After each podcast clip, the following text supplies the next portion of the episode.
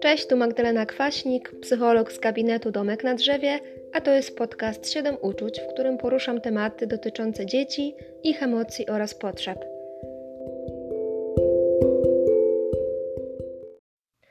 Jest to kolejny odcinek dotyczący funkcjonowania dzieci w sytuacji rozwodu rodziców bądź też opiekunów i dzisiaj będę mówić o wsparciu dla dzieci.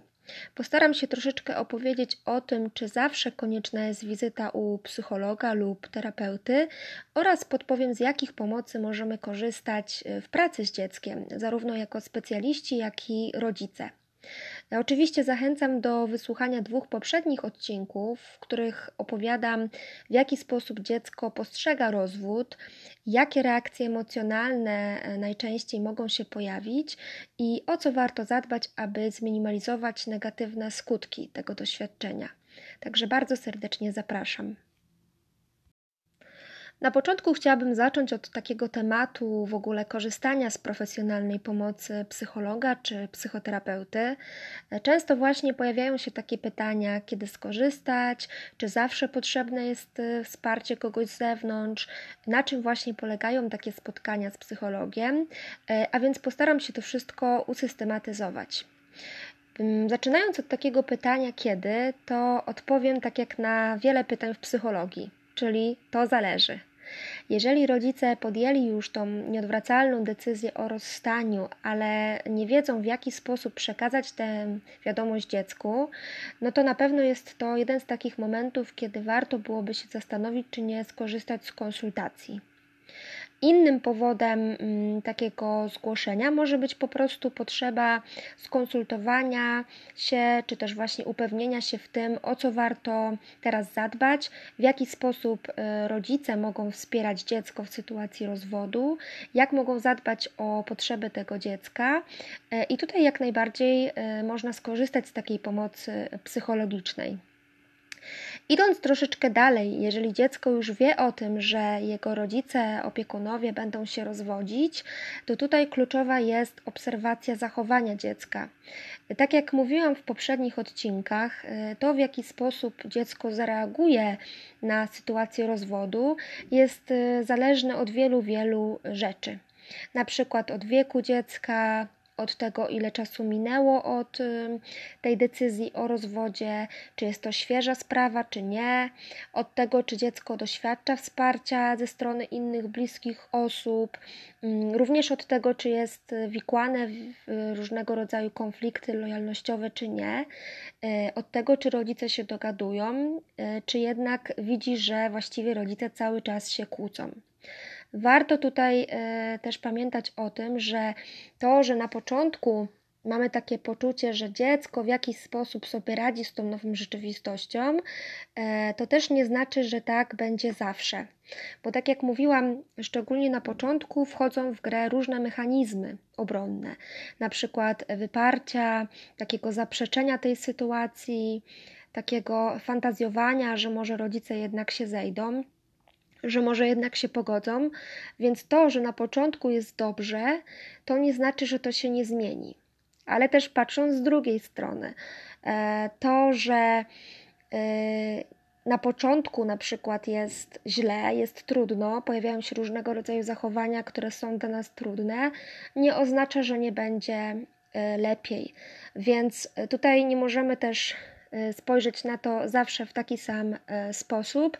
Zachowania dziecka mogą się jak najbardziej zmieniać w jedną i w drugą stronę. To, co powinno zwrócić naszą uwagę, to na pewno zmiana w zachowaniu dziecka, czyli zarówno wtedy, kiedy mamy dziecko, które zawsze miało bardzo dużo energii i tysiąc pomysłów na minutę i staje się takie zalęknione, wycofane, widzimy, że często jest smutne, jak i w drugą stronę, czyli dziecko, które zawsze było raczej bardziej spokojne, zaczyna e, prezentować zachowania, które które są e, w opinii otoczenia trudnymi zachowaniami, takimi no, wymagającymi jakiegoś rodzaju interwencji. I tutaj chciałabym podkreślić, że dziecko, które jest na przykład takie bardzo spokojne, e, właściwie nie, nie porusza tego tematu rozwodu. E, kiedy się je pytamy, jak ono przeżywa tą sytuację, co ono czuje, takie dziecko, które nie chce nam za dużo mówić, albo mamy poczucie, że zmienia temat, to to też nie jest tak, że to jest do końca dobra oznaka. Dlatego, że takie dzieci, które właśnie są takie bardziej spokojne, bardziej łagodne, e, często nam umykają. Zazwyczaj widzimy te dzieci, które gdzieś tam bardzo mocno na zewnątrz e, wyrażają te swoje emocje, e, a tymczasem rzeczywiście, jeżeli byśmy spojrzeli z punktu widzenia zdrowia psychicznego dziecka, to zdrowsza jest sytuacja, kiedy dziecko jednak wyraża te wszystkie emocje, niż je tłumi w sobie. Jeżeli chodzi o pomoc, to oczywiście zawsze jest możliwość skorzystania na przykład tylko z kilku spotkań dziecka z psychologiem. Wtedy, kiedy rodzic ma takie wątpliwości, czy, czy to dziecko, w jaki sposób to dziecko e, przeżywa tą całą sytuację, e, bądź też e, szczególnie na tym początkowym okresie, rodzic potrzebuje właśnie wsparcia ze strony kogoś z zewnątrz, żeby pomóc dziecku przepracować emocje. E, o takiej regularnej terapii, no to mówimy wtedy, kiedy zachowania, które się pojawiają, e, są na tyle trudne, na tyle niepokojące, że gdzieś tam przekraczają zasoby tych rodziców na ten moment, aby oni mogli e, sobie z nimi sami poradzić. To, co chcę tutaj podkreślić, to to, że zawsze trzeba pamiętać o tym, że rolą psychologa, niezależnie od tego, z kim on pracuje, jest wspierać i dostarczać y, wiedzy. Natomiast takie założenie czy takie myślenie, że e, pójdziemy do psychologa, on tam zrobi to, co trzeba tam z naszym dzieckiem zrobić i, i będzie już ok, jest błędne. E, tak samo, jeżeli jest to spotkanie odnośnie przekazania decyzji o rozstaniu, to psycholog jak najbardziej może być tym wsparciem, może podpowiedzieć, jak to zrobić, o co należy zadbać, jakich słów użyć, natomiast poinformowanie e, o tej decyzji jest zadaniem rodziców. Psycholog może towarzyszyć w takiej rozmowie i gdzieś tam starać się wesprzeć dziecko, ale nie można dopuścić do takiej sytuacji, w której rodzice czy opiekunowie się niejako wyręczają psychologiem, ponieważ nie jest to po prostu zgodne z zasadami etyki. Przechodząc już do samej terapii, to jej celem jest przede wszystkim pomoc dziecku w przepracowaniu emocji, które odczuwa, aby ono pozostawało w kontakcie ze swoimi uczuciami czy emocjami, czyli mówiąc prościej, żeby ono miało świadomość tego, co czuje i miało takie poczucie, że może czuć wszystko, że nie ma emocji pozytywnych, negatywnych, że ma prawo przeżywać tą całą sytuację w taki sposób, w jaki przeżywa. E, oczywiście jednym z celów takiej terapii będzie też to, aby nauczyć dziecko wyrażania tych emocji w taki akceptowany sposób, aby też e, właśnie, tak jak już powiedziałam, mówiło o tym, co myśli, co czuje, co sądzi o tym, co się dzieje i tak dalej. E, tak jak mówiłam o tym podejściu systemowym do rodziny, to wiadomo, że zmiana zachowania w jednym elemencie tego systemu, czyli kiedy ten jeden element tego systemu zaczyna się zmieniać, e, pociąga za sobą zmianę w drugim. Czyli jeżeli dziecko z wycofanego, zalęknionego staje się bardziej odważne, otwarcie komunikuje swoje potrzeby, mówi o tym, jak się czuje z różnymi rzeczami, to oczywiście rodzic musi być na te zmiany gotowy. Stąd też w trakcie terapii mają miejsce, bądź też powinny mieć takie cykliczne spotkania z rodzicem, aby właśnie na bieżąco móc informować go nad tym, e, o tym, nad czym pracujemy i do czego dążymy z punktu widzenia potrzeb dziecka i jego zdrowia psychicznego. Bo tutaj bardzo ważna rzecz. Jeżeli przychodzi do nas na przykład rodzic i mówi wprost, że on bardzo by chciał, żebyśmy my w jakiś sposób e, nakierowali to dziecko na właśnie tego rodzica, no to my jako psycholodzy, jako specjaliści e, nie możemy się na coś takiego zgodzić, ponieważ jest to niezgodne e, znowu z etyką naszego zawodu. E, czasami może się też okazać, że rodzic będzie potrzebował pójść na terapię własną, żeby też to sobie wszystko przepracować, poukładać i też e, być gotowy na zmianę. i też oczywiście nie ma w tym nic złego. To teraz możemy sobie zadać takie pytanie, kiedy terapia będzie mało skuteczna albo w ogóle nie przyniesie efektów. W moim odczuciu na pewno wtedy, kiedy nie będzie zaangażowania ze strony rodziców, czyli kiedy będzie taki jasny przekaz, że jest oczekiwanie zmiany w zachowaniu dziecka, ale nie ma chęci współpracy na rzecz tej zmiany. E, na pewno też wtedy, gdy dziecko jest wikłane już we wspomniane przeze mnie e, konflikty lojalnościowe, czyli e, musimy sobie tutaj powiedzieć o tym, że terapia będzie zmierzała do tego, aby dziecko miało świadomość, że to nie jest dla niego dobre i żeby umiało asertywnie reagować w tej sytuacji, ponieważ jest to zgodne z jego potrzebami i jak najbardziej zdrowe zdrowe dla tego dziecka. Więc jeżeli rodzice nie są gotowi na to, że dziecko będzie jasno zaznaczało swoje granice, to może być to bardzo trudne.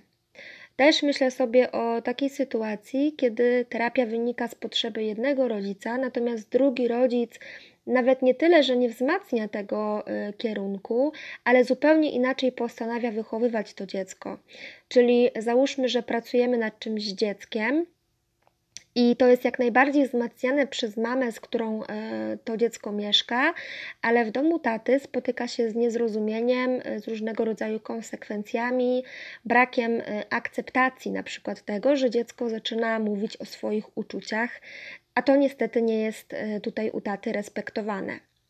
Tutaj też trzeba sobie powiedzieć o oczekiwaniach rodziców, opiekunów i motywacji, czyli jeżeli motywacja jest typowo zewnętrzna, na zasadzie muszą Państwo coś z tym zrobić, to na pewno będzie trudniej o współpracę, zwłaszcza jeżeli rodzice nie widzą problemu, cedują odpowiedzialność na otoczenie albo nie mają pozytywnego zdania na temat psychologów, czy też w ogóle nie uznają psychologów, e, ponieważ spotkałam się też nadal z takim przekonaniem, że każdy rodzic wie najlepiej, czego potrzebuje jego dziecko. E, oczywiście też, kiedy mm, te oczekiwania są takie nierealne, nieprzystające do sytuacji, e, czy też e, związane są z takim przekonaniem, że nie wiem, spotkamy się na przykład dwa razy z dzieckiem, rach, ciach i zrobione.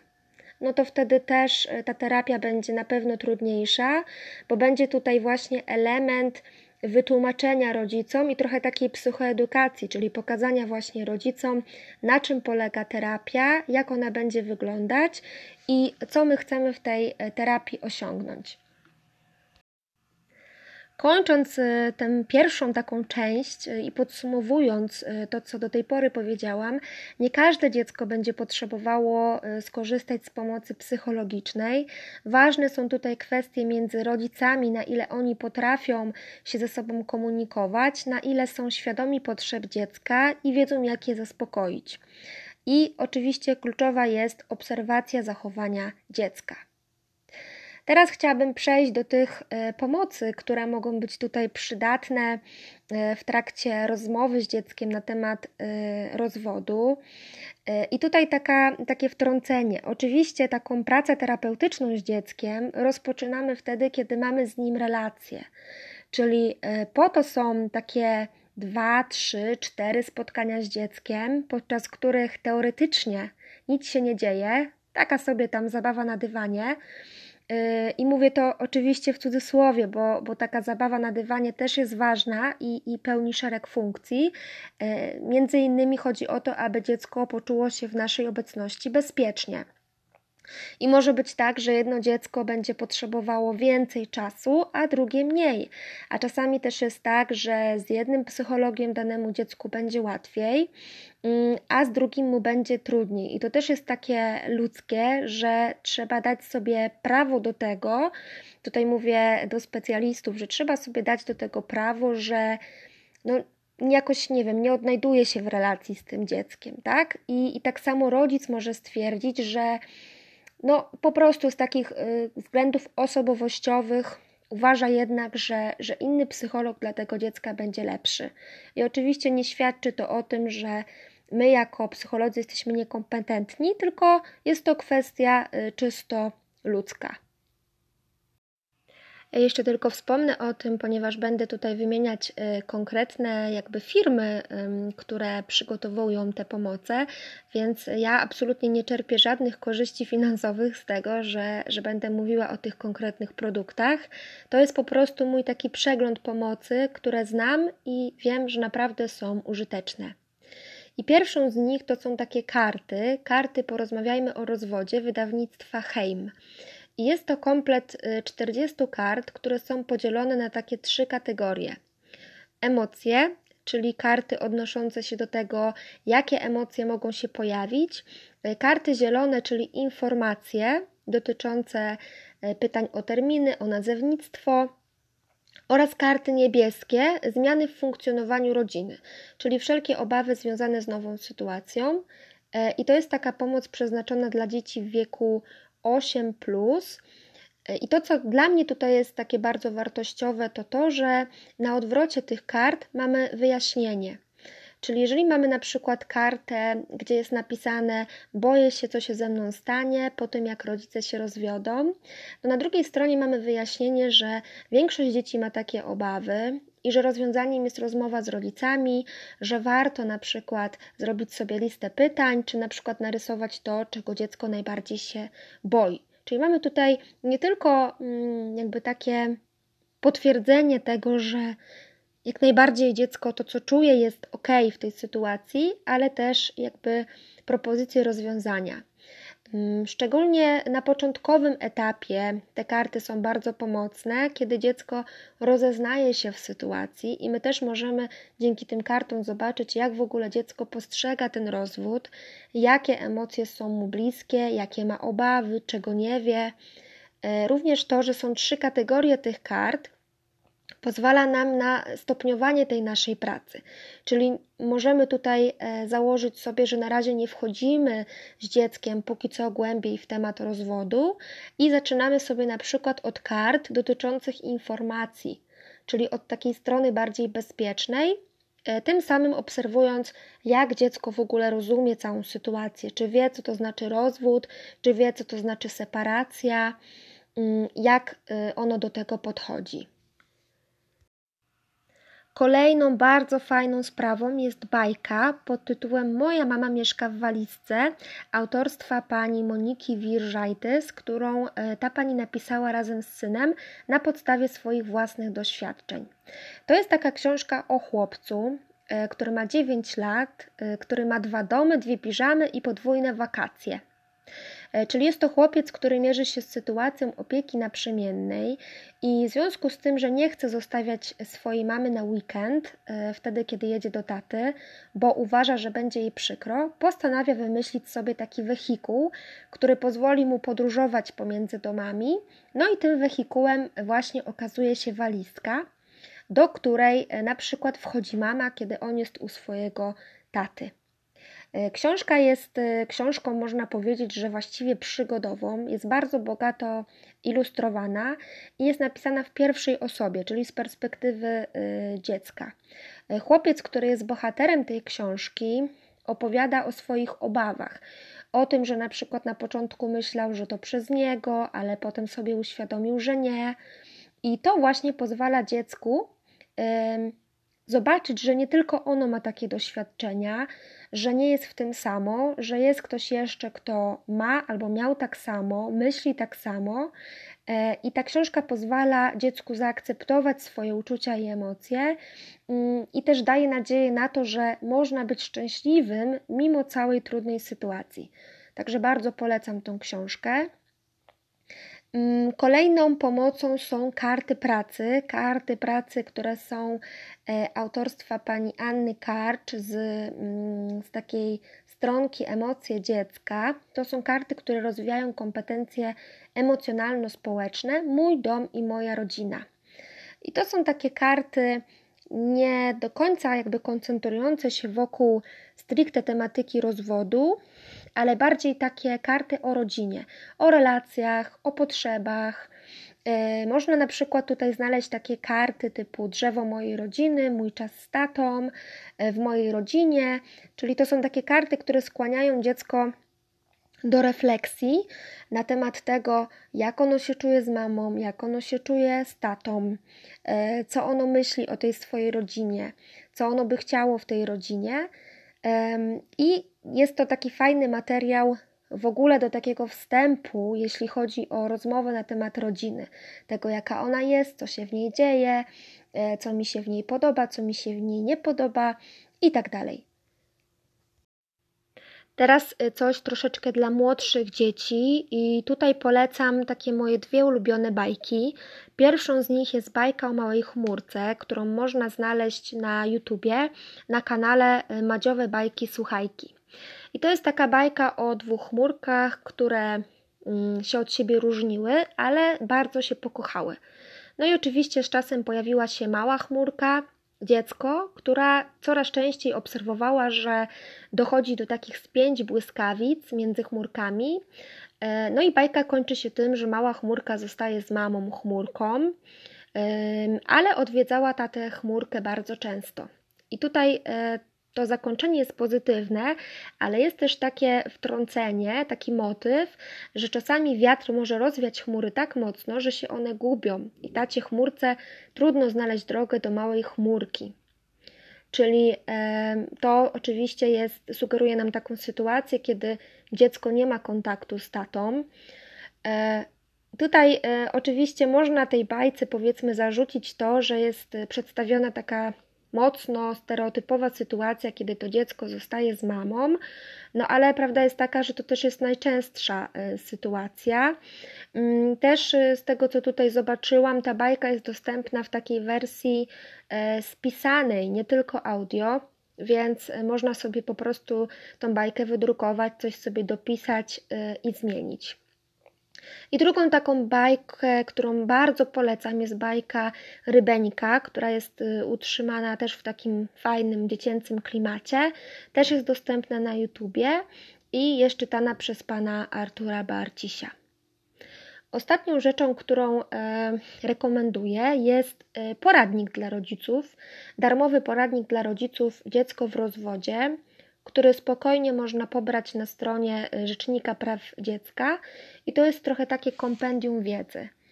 Czyli y, tutaj mamy prawie 50 stron o tym, jak dzieci reagują y, w sytuacji rozwodu, w jakie wchodzą role, co powinni uzgodnić między sobą rodzice, jak w ogóle angażować drugiego rodzica w wychowanie dziecka, y, ale też takie kwestie prawne, czyli co się dzieje podczas sądowego postępowania, jak wyglądają ewentualnie mediacje rodzinne. Także zbiór takich wszelkich potrzebnych i użytecznych informacji. To wszystko na dzisiaj. Mam nadzieję, że te wstępne informacje, jak i pomoce y, okażą się przydatne, że być może kogoś zainspirowałam do tego, żeby y, sięgnąć po, po tego typu rzeczy, które myślę, że są naprawdę bardzo wartościowe.